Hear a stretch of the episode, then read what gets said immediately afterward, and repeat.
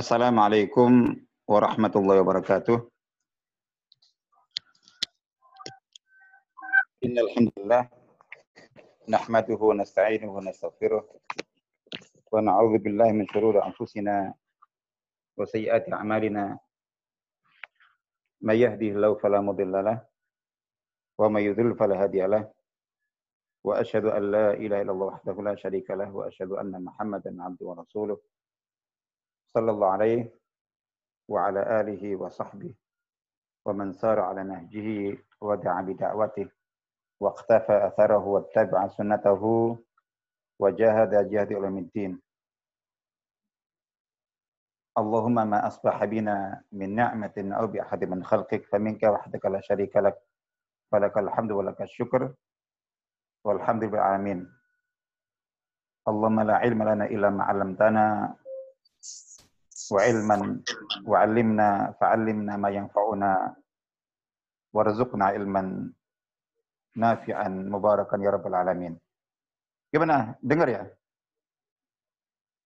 Dengar Ustaz? Sudah dengar? Eh, baik, baik insya Allah.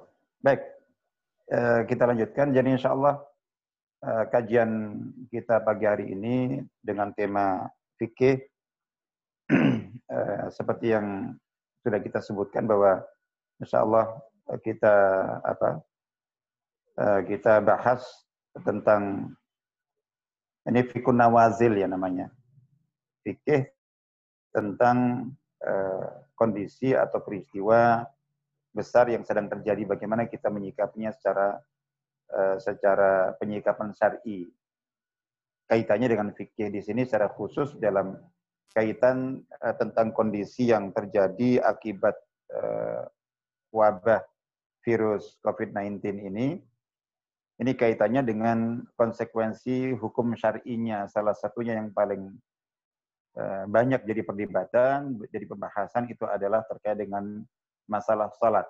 Khususnya adalah ada banyak tentunya eh, apa itu kalau untuk para dokter, para perawat yang menangani pasien eh, COVID-19 ini itu sampai kemudian ada pembahasan tentang bagaimana bagaimana ini bagaimana bagaimana apa bagaimana uh, mereka itu yang harus berhadapan dengan dengan kondisi ini kadang-kadang tidak bisa bersuci dalam waktu beberapa jam.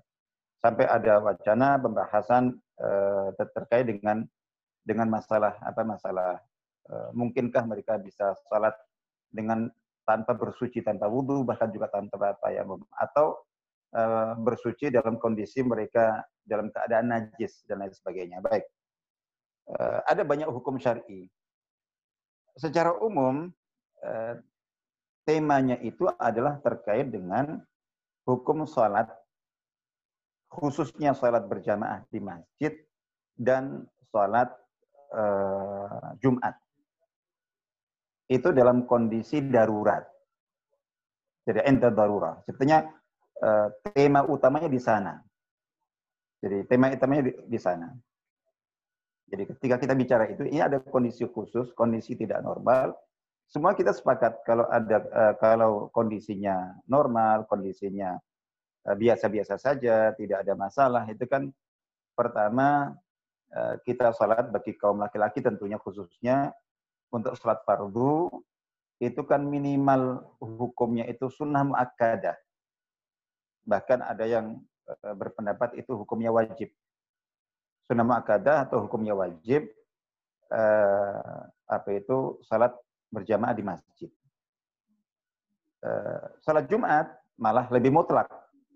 Itu merupakan mutlak, merupakan kewajiban yang tidak bisa ditinggalkan sama sekali. Eh, apa itu dan harus di masjid, nggak bisa di rumah karena memang syarat eh, sahnya salat Jumat itu ada pertama berjamaah di masjid, ada khutbah gitu. Jadi tidak bisa dilaksanakan kalau untuk salat rutin itu masih dimungkinkan meskipun nanti tadi itu kalau sahnya sah. Tapi eh, apa itu yang berpendapat bahwa salat berjamaah di masjid itu wajib berarti bagi yang dalam kondisi biasa salat di rumah laki-laki itu sah salatnya tapi dosa. Tapi kalau yang berpendapat bahwa salat di masjid itu sunnah muakkadah, maka yang tidak atau tanpa uzur salat di rumah tetap sah dan tidak dosa, tapi dia kehilangan keutamaan apabila salat berjamaah. Baik, intinya adalah semuanya sepakat bahwa dalam kondisi apa normal biasa itu kita mutlak harus melaksanakan salat uh, Jumat dan harus diadakan Jumatan itu di setiap masjid jami. Masjid yang memang dibangun dan uh, itu kategori jami untuk dilaksanakan salat uh, berjamaah rutin lima waktu tiap harinya plus salat uh, Jumat. Itu mutlak. Nah, terus kemudian nah ini kondisinya adalah bahwa ini adalah kondisi khusus kondisi eh, baik untuk individu pribadi-pribadi itu dari fatwa para ulama sedunia. Fatwa para ulama sedunia.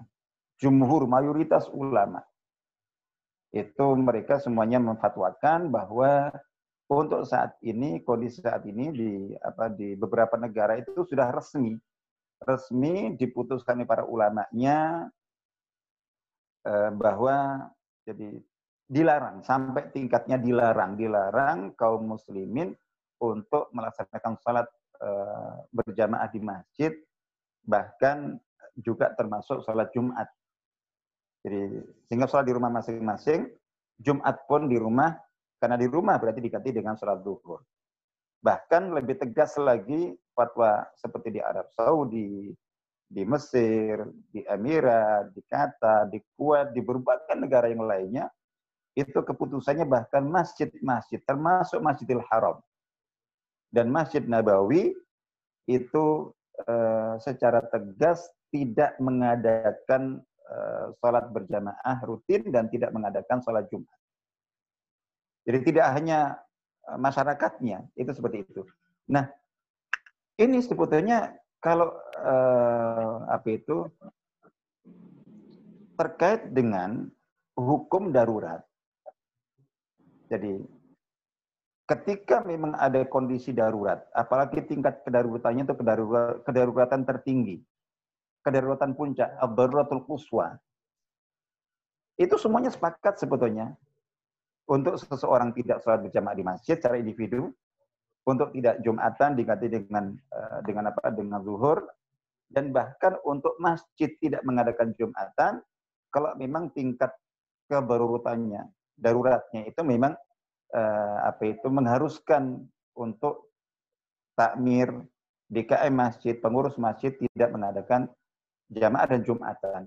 Ketika memang kondisinya betul-betul darurat, itu sebetulnya semua ulama sepakat. Semua ulama sepakat. Jadi gitu.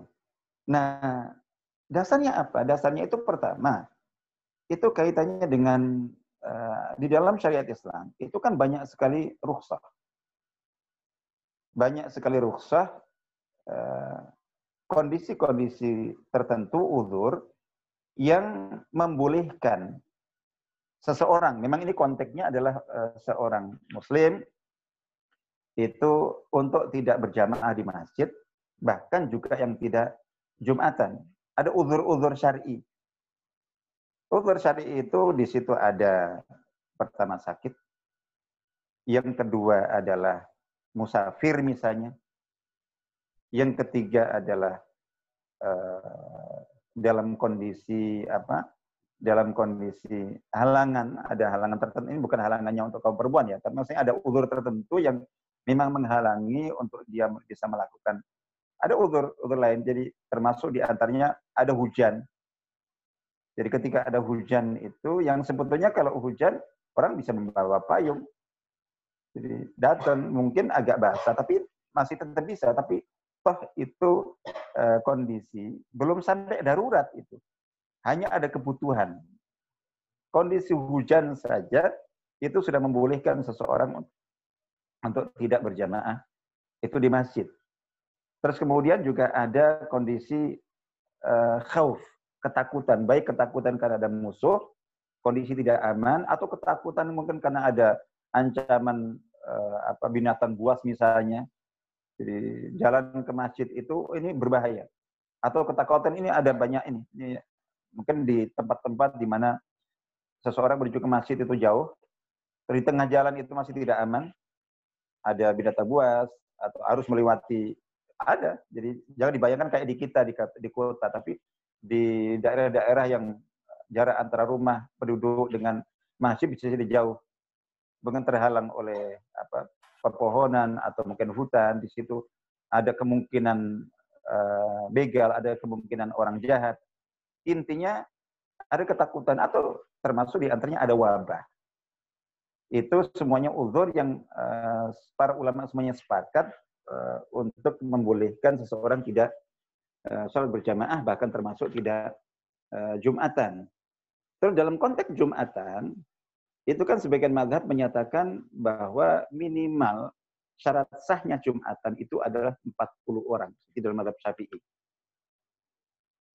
Sehingga ketika tidak ada, misalnya bahwa di satu masjid yang biasa diadakan uh, apa itu Jumatan, terus yang sholat di situ kurang dari 40 orang, dalam madhab syafi'i misalnya kok yang ada hanya 39. 30, apalagi 35, 37, 38. Jadi gitu. Meskipun mereka sudah di, di, di masjid, itu eh, karena itu syarat sahnya tidak boleh mengadakan Jumatan tapi diganti dengan zuhur. Jadi begitu. Nah, dari sini sebenarnya kembali bahwa sebenarnya banyak sekali alasan-alasan uzur-uzur eh, syar'i yang lebih ringan, ya, lebih ringan daripada uh, uzur karena ada bahaya wabah COVID-19 ini yang ternyata uh, dibenarkan uh, untuk apa? Untuk uh, seseorang atau kaum muslimin uh, itu tidak berjamaah di masjid, bahkan untuk tidak diadakan sholat berjamaah di masjid dan juga sholat Jumat di masjid.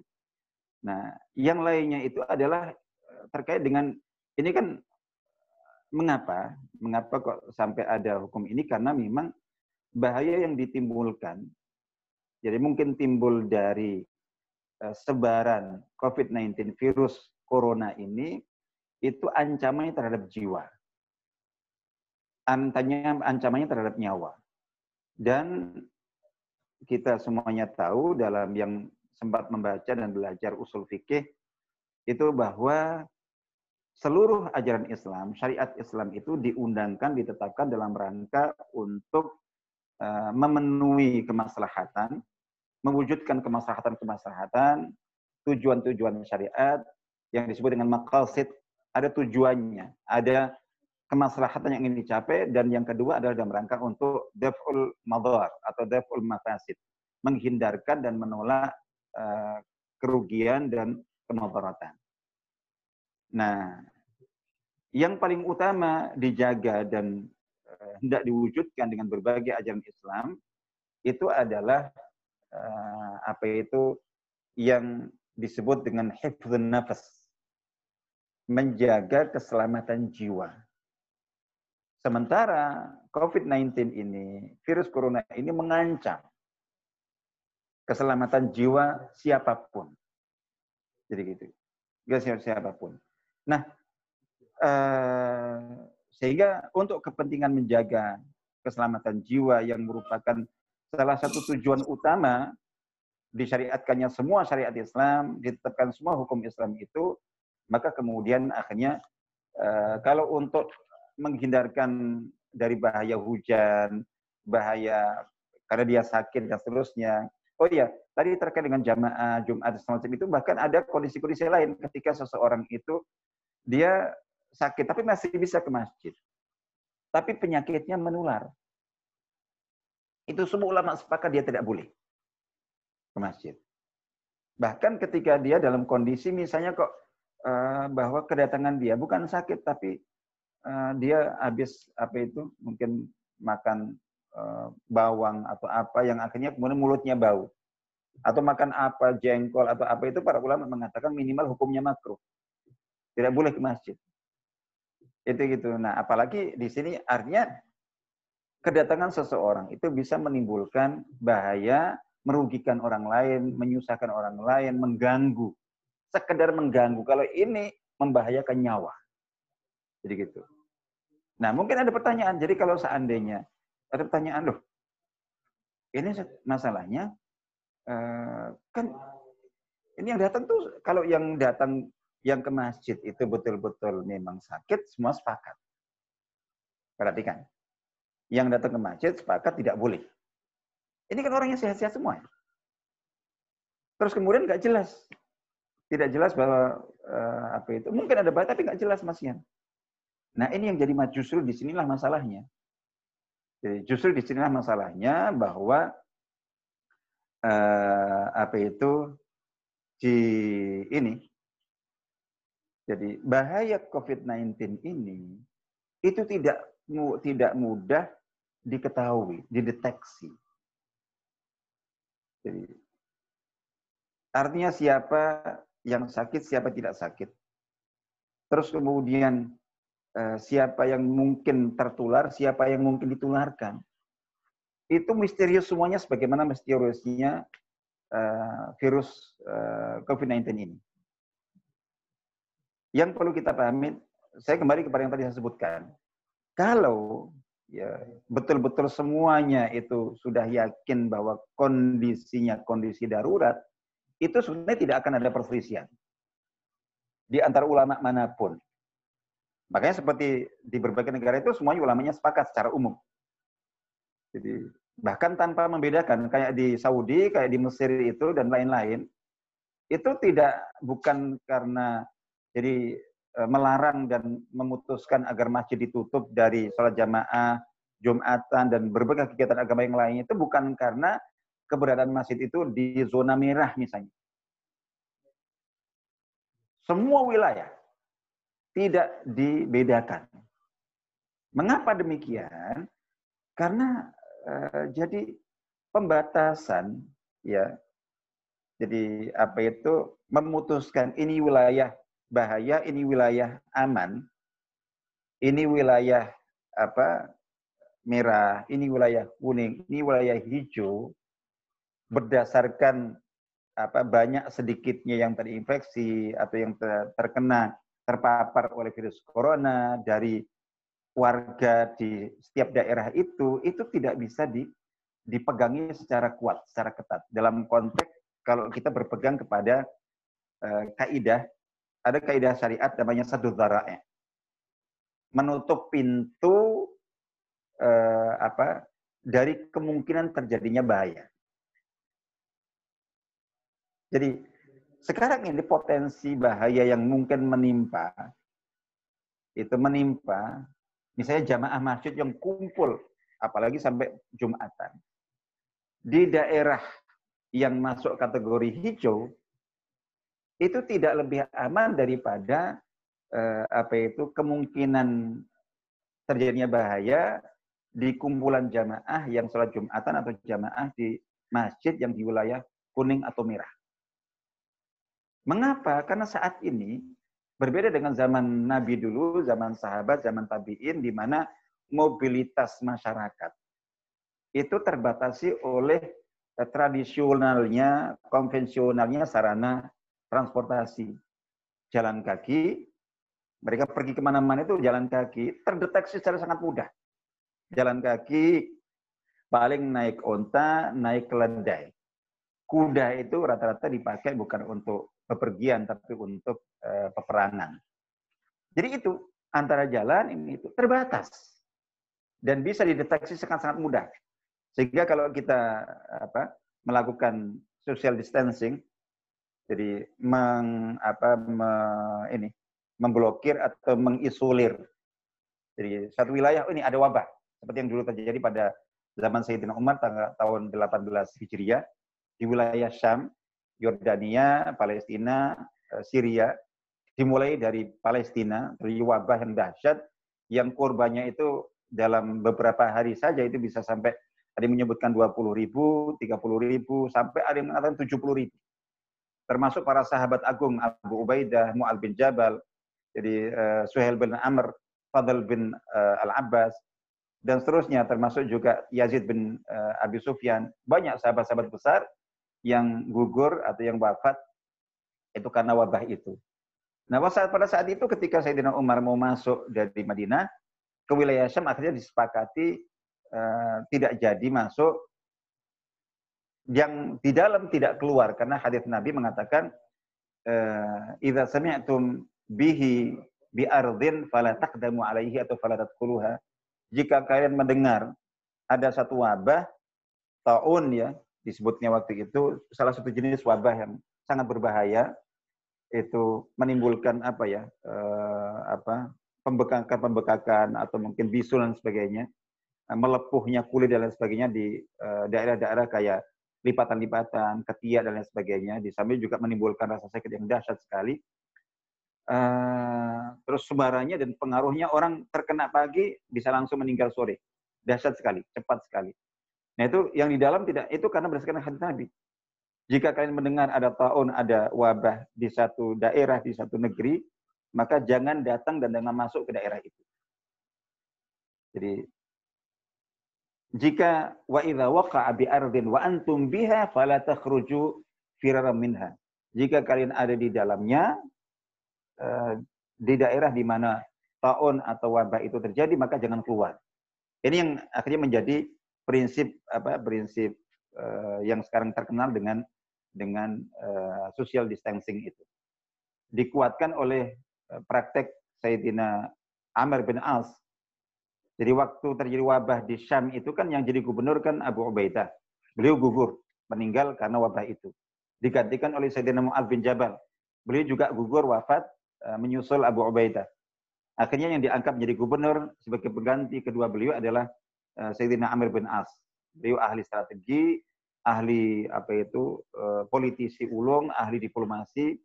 Nah itu beliau begitu diangkat jadi gubernur, beliau kemudian pidato kepada masyarakat, wahai eh, sekalian manusia, itu ketahuilah bahwa wabah ini itu ibarat seperti api. Api yang siap melahap apa itu jadi kayu-kayu bakar. Dia bisa bisa apa membara dan membesar itu karena ada bahan yang dimakan yang dibakarnya. Kalau tidak ada bahannya dia akan mati. Oleh karena itu, dan bahannya itu adalah diri-diri kalian, tubuh-tubuh kalian. Maka bagaimana caranya agar supaya uh, api wabah ini mati? Ya ketika tidak menemukan lagi bahan bakar, yaitu tubuh kalian. Oleh karena itu, berpencarlah. Bukan disuruh keluar, karena tidak boleh keluar dari daerahnya. Berpencarnya itu tinggalkan kampung kalian, berpencarlah di gunung-gunung, di bukit-bukit Jangan kumpul. Tunggu beberapa saat. Nah, di situ akhirnya kemudian uh, berhenti dan reda wabah itu karena itu karena tadi akhirnya mati. Nah, saya katakan tadi itu bahwa untuk mengisolir satu daerah dan mengatakan ini daerah bahaya, yang lainnya tidak. Itu untuk zaman dulu mudah. Ketika alat transportasi masih sederhana, mobilitas orang sangat mudah diketahui, jadi gitu. Sekarang kecuali ketika diterapkan lockdown uh, penuh dan semua ketat. Tidak ada penerbangan, tidak ada apa transportasi, tidak ada kereta, tidak ada bus, tidak ada kendaraan berjalan pindah dari satu kota ke kota yang lainnya. Hanya mungkin itu itu pun juga sangat super ketat. Jadi pastikan uh, itu ini. Tapi dalam kondisi kita sekarang ada orang dari Jakarta uh, pagi ini dia termasuk yang membawa virus corona mungkin tidak menulari tetangganya yang jaraknya 10 meter dari dia. Karena dia nggak ketemu, nggak berinteraksi, tidak berpapasan. Karena orang itu, itu pagi ini itu malah uh, datang ke Surabaya. Mungkin ketemu dengan orang jabatan dengan siapa saja, dia sehat. Tapi dia tidak terkena. Nah, di sini masalahnya adalah bahwa sifat COVID-19 ini dahsyat. Dahsyat. Artinya bahwa pertama, kondisi tadi itu, saat ini selama ini penentuan zona merah, kuning, biru atau hijau itu itu berdasarkan uh, jumlah apa itu yang terinfeksi di setiap daerah itu. Jadi antara yang apa yang ada ODP, ada PDP dan, dan seterusnya, terus kemudian ada yang suspek dan sebagainya. Nah, ada yang positif. Itu dari yang ada. Sementara coba kita kenalin. Tadi itu, daerah itu tapi betulkah bahwa daerah itu itu aman betul? Jadi gitu. Mengapa berubah dari daerah hijau kepada itu? Karena ternyata tadi ada orang lain yang datang ke daerah hijau itu dari daerah merah. atau dari daerah itu yang datang ke situ. Tidak ada yang bisa di, di, dipastikan. Pertama, dari peredaran orang, dari mobilitas orang. Yang kedua, dari sifat uh, apa itu bahaya wabah ini. Wabah ini tidak terlihat. Dahsyatnya adalah bahwa jadi uh, dampak dan pengaruhnya itu tidak tidak langsung terlihat. Para dokter menyatakan bahwa orang yang terinfeksi ya yang terinfeksi positif tapi itu tertular atau membawa virus eh, corona atau COVID-19 ini itu yang bisa dideteksi, yang yang menunjukkan tanda-tanda yang bisa dikenali itu hanya 15 persen. Padahal ini yang biasanya diperiksa itu hanya ini. Sudah menunjukkan tanda, batuk, apa, ini, itu, sesak, dan segala macam itu. Hanya coba eh, segera ini, atau panas, periksakan. Ini yang diperiksa, kemudian dimasukkan dalam kategori A, B, C, dan seterusnya itu. Sementara 85% di antara yang eh, apa itu terkena dan itu itu 80% tidak menimbulkan tanda. Coba. Padahal tadi itu kita, oh enggak, yang sakit jangan ke masjid. Yang sakit jangan, jangan, jangan Jumatan. Itu hanya 15% yang kelihatan sakit. Yang 85% itu karena dianggap sehat, oh boleh. Padahal dia sudah membawa itu, bahaya sekali. Jadi jadi seperti itu. Terus kemudian eh, yang lainnya adalah sifat ini, sifat pengaruhnya. Dia bisa menular ke si A, si B, si C dengan apa? Itu dengan sentuhan. Tapi yang dahsyat lagi itu ternyata dikatakan bahwa sifatnya COVID-19 itu airborne. Bisa terbang. Lewat pernafasan. Jadi dokter eh, dokter siapa? Dokter Faris itu mengatakan bahwa kalau dia tidak bisa terbang, nular dari terbang dari mana? Itu apa? Para tenaga medis yang menangani eh, pasien itu bisa tertular. Mereka nggak bersentuhan. Mereka tuh memprotek dirinya dengan berbagai apa itu eh, pengamanan alat yang yang menjaga mereka, melindungi mereka. Dari sentuhan nggak mungkin. Jadi gitu. Berarti ya tadi itu. Dia kata ini airborne. Bahkan ada terakhir mengatakan bahwa ini bisa bertahan di udara. Luar biasa dahsyatnya. Jadi bertahan di udara. Yang lebih eh, apa itu dahsyat lagi adalah bahwa eh, virus COVID-19 ini itu bisa berpindah dan kemudian mengenai dan apa eh, apa membuat seseorang terpapar dengan virus itu itu lewat orang sehat. Kalau tadi kan orang yang tampak sehat, sepertinya sakit, cuman nggak tidak menunjukkan tanda-tanda. Kecuali mungkin terakhir nggak tahu kapan. Tapi setelah dia ketemu banyak orang, di Turki itu ada satu orang baru datang dari Perancis, dia tampak sehat-sehat saja, ya apa, dia ini kan enggak, kamu mestinya karantina diri karena kamu eh, berasal dari negeri yang yang sudah dahsyat di sana. Eh, tapi tidak dia tidak mengusir diri, dia beraktivitas eh, berada dengan keluarganya, dengan teman-temannya, akhirnya dia nulari beberapa orang. Beberapa orang akhirnya nular yang lainnya. Jadi satu orang itu katanya korbannya yang tertular akhirnya 70 orang. Satu orang. Nyebar, nyebar, nyebar, nyebar seperti itu. Orangnya nggak sakit. Tidak tampak sakit, tampak sehat. Tapi ternyata kena. Nah, ada yang tampak sehat tapi sebetulnya dia sudah eh, positif atau sudah terpapar, dan menularkan ke mana-mana tanpa dia tahu. Yang lebih dahsyat lagi, ada yang betul-betul dia sehat. Tapi dia bisa nyangking virus itu.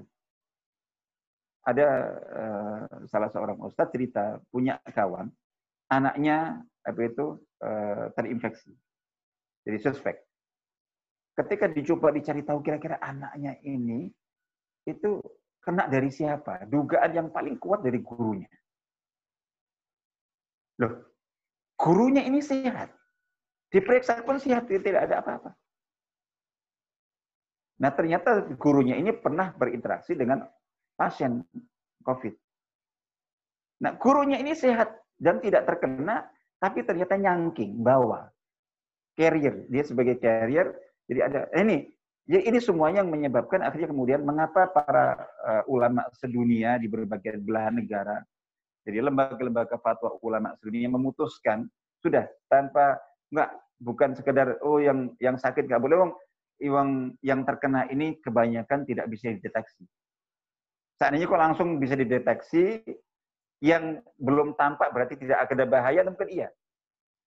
Tapi yang kena ini itu eh, mayoritasnya 80% tidak bisa dikenali, orangnya tampak sehat-sehat saja, jadi gitu. Terus dia beraktivitas ke mana-mana, sholat, berhubungan, ber apa ini itu dia itu. Termasuk di antaranya untuk jarak. Kan ada sebagian kemarin, uh, ya kayak contoh baru-baru ini, pada Jumat yang lalu itu saya kurang tahu untuk sholat eh, jamaah rutinnya.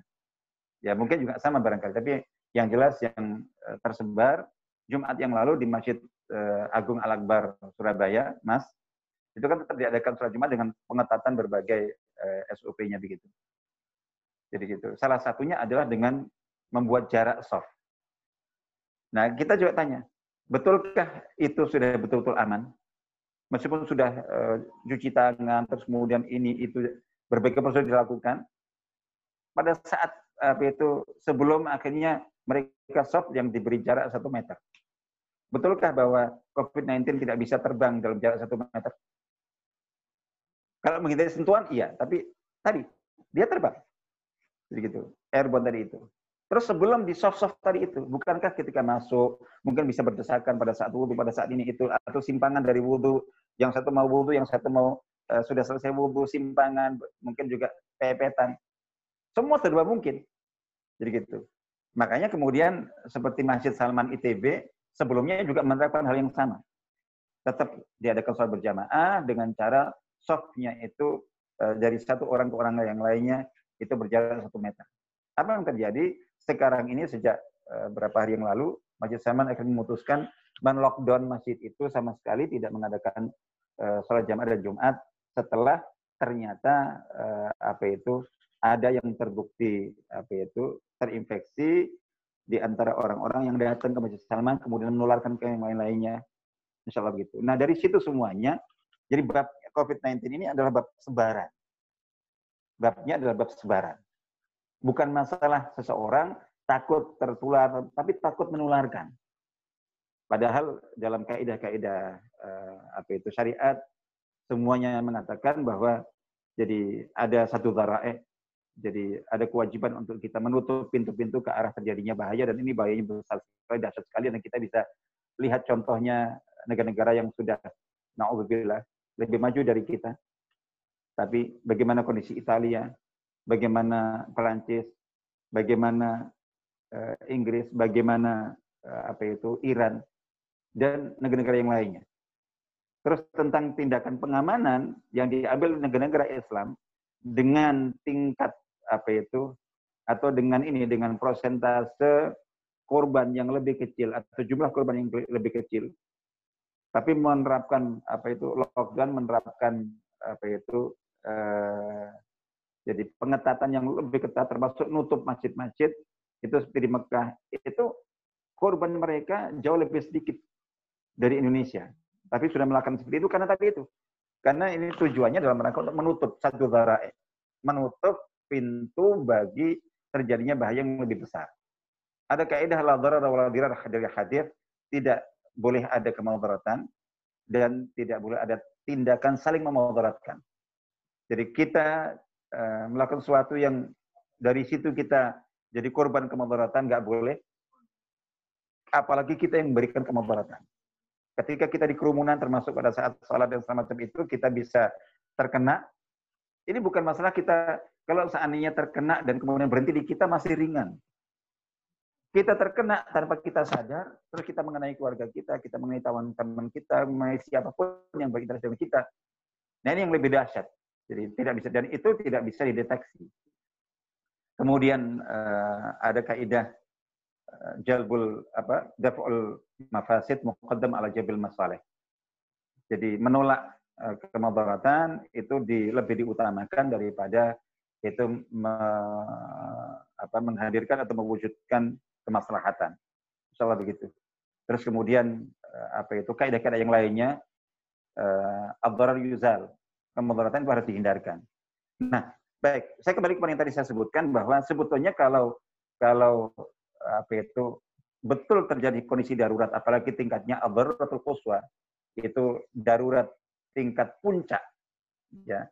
Seperti bahaya COVID-19 ini, itu sebenarnya semua ulama sepakat bahwa eh, semua tidak menghindari kerumunan, berkumpulan interaksi, termasuk salat jamaah dan Jumat, sehingga Jumat itu kemudian tidak hanya masyarakat tidak datang ke sana, tapi juga tidak diadakan. Itu kalau kondisinya sudah darurat, itu semuanya sepakat bahwa itu itulah hukum yang harus dilakukan. Yang jadi masalah sekarang perdebatannya itu bukan di situ.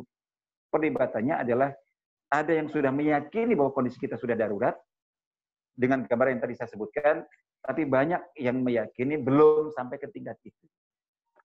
Tapi di situ gitu, masih merasa aman-aman saja dan seterusnya seterusnya dan ini umumnya rata-rata memang belum betul-betul memahami uh, belum memahami pertama belum memahami bagaimana sifat dan tabiat serta tingkat bahaya COVID-19 ini.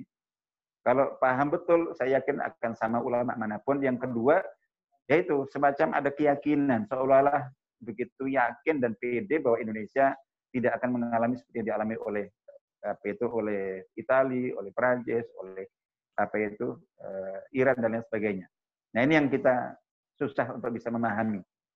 Jadi kita apa uh, rahasia kehebatan kesaktian Indonesia sehingga ada yang yakin tidak akan terjadi seperti itu. Baik, saya kira itu insya Allah secara umum apa itu. Sehingga dari sini uh, ya perlu ditegaskan bahwa ketika masjid menutup uh, aktivitasnya pintunya dari jamaah dan jumatan itu harus ditegaskan maksudnya ini adalah mendorong dan mengingatkan, menganjurkan bahkan memerintahkan masyarakat untuk sholat di rumah. Bukan kok masjid ini ditutup terus kemudian yang lainnya yang terus e, orang nyari masjid lain yang masih buka, bukan. Terus jamaah di situ, kumpul dengan orang di situ, enggak.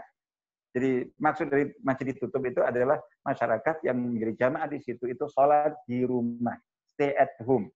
Jadi gitu sebisa mungkin membatasi diri dari situ karena itulah sarana yang bisa kita lakukan dalam rangka untuk uh, apa memutus mata rantai sebaran COVID-19. Mudah-mudahan Allah Taala senantiasa merahmati kita, memberkahi kita. Waktu kita saya kira sudah uh, habis, mudah-mudahan bermanfaat dan uh, mungkin silakan kalau mungkin ada yang ingin ditanyakan uh, apa itu setelah ini. Kalau memang masih ada waktu, kalau tidak ya kita cukupkan Eh, kita akhiri sampai di sini. Semoga bermanfaat. Mohon maaf jika ada yang kurang, kurang berkenan. Kita tutup dengan uh, doa. Allahumma inna na'udzubika min jahdil bala wa dharki syaqa wa su'il qada Allahumma inna na'udzubika min al-barasi wal jununi wal juzam wa min sayyi'il asqam. Allahumma adfa' عنا الوباء والبلاء والغلاء والفحشاء والمنكر والمحن وسوء الفتن. ما ظهر منها بطن يا رب العالمين. عن بلدنا هذا خاصة وعن سائر بلاد المسلمين. ربنا ظلمنا أنفسنا وإن لم تغفر لنا وترحمنا لنكون من الخاسرين. ربنا آتنا في الدنيا حسنة وفي الآخرة حسنة وقنا عذاب النار. subhana rabbika rabbil izzati amma yasifun wa salamun alal mursalin walhamdulillahi alamin.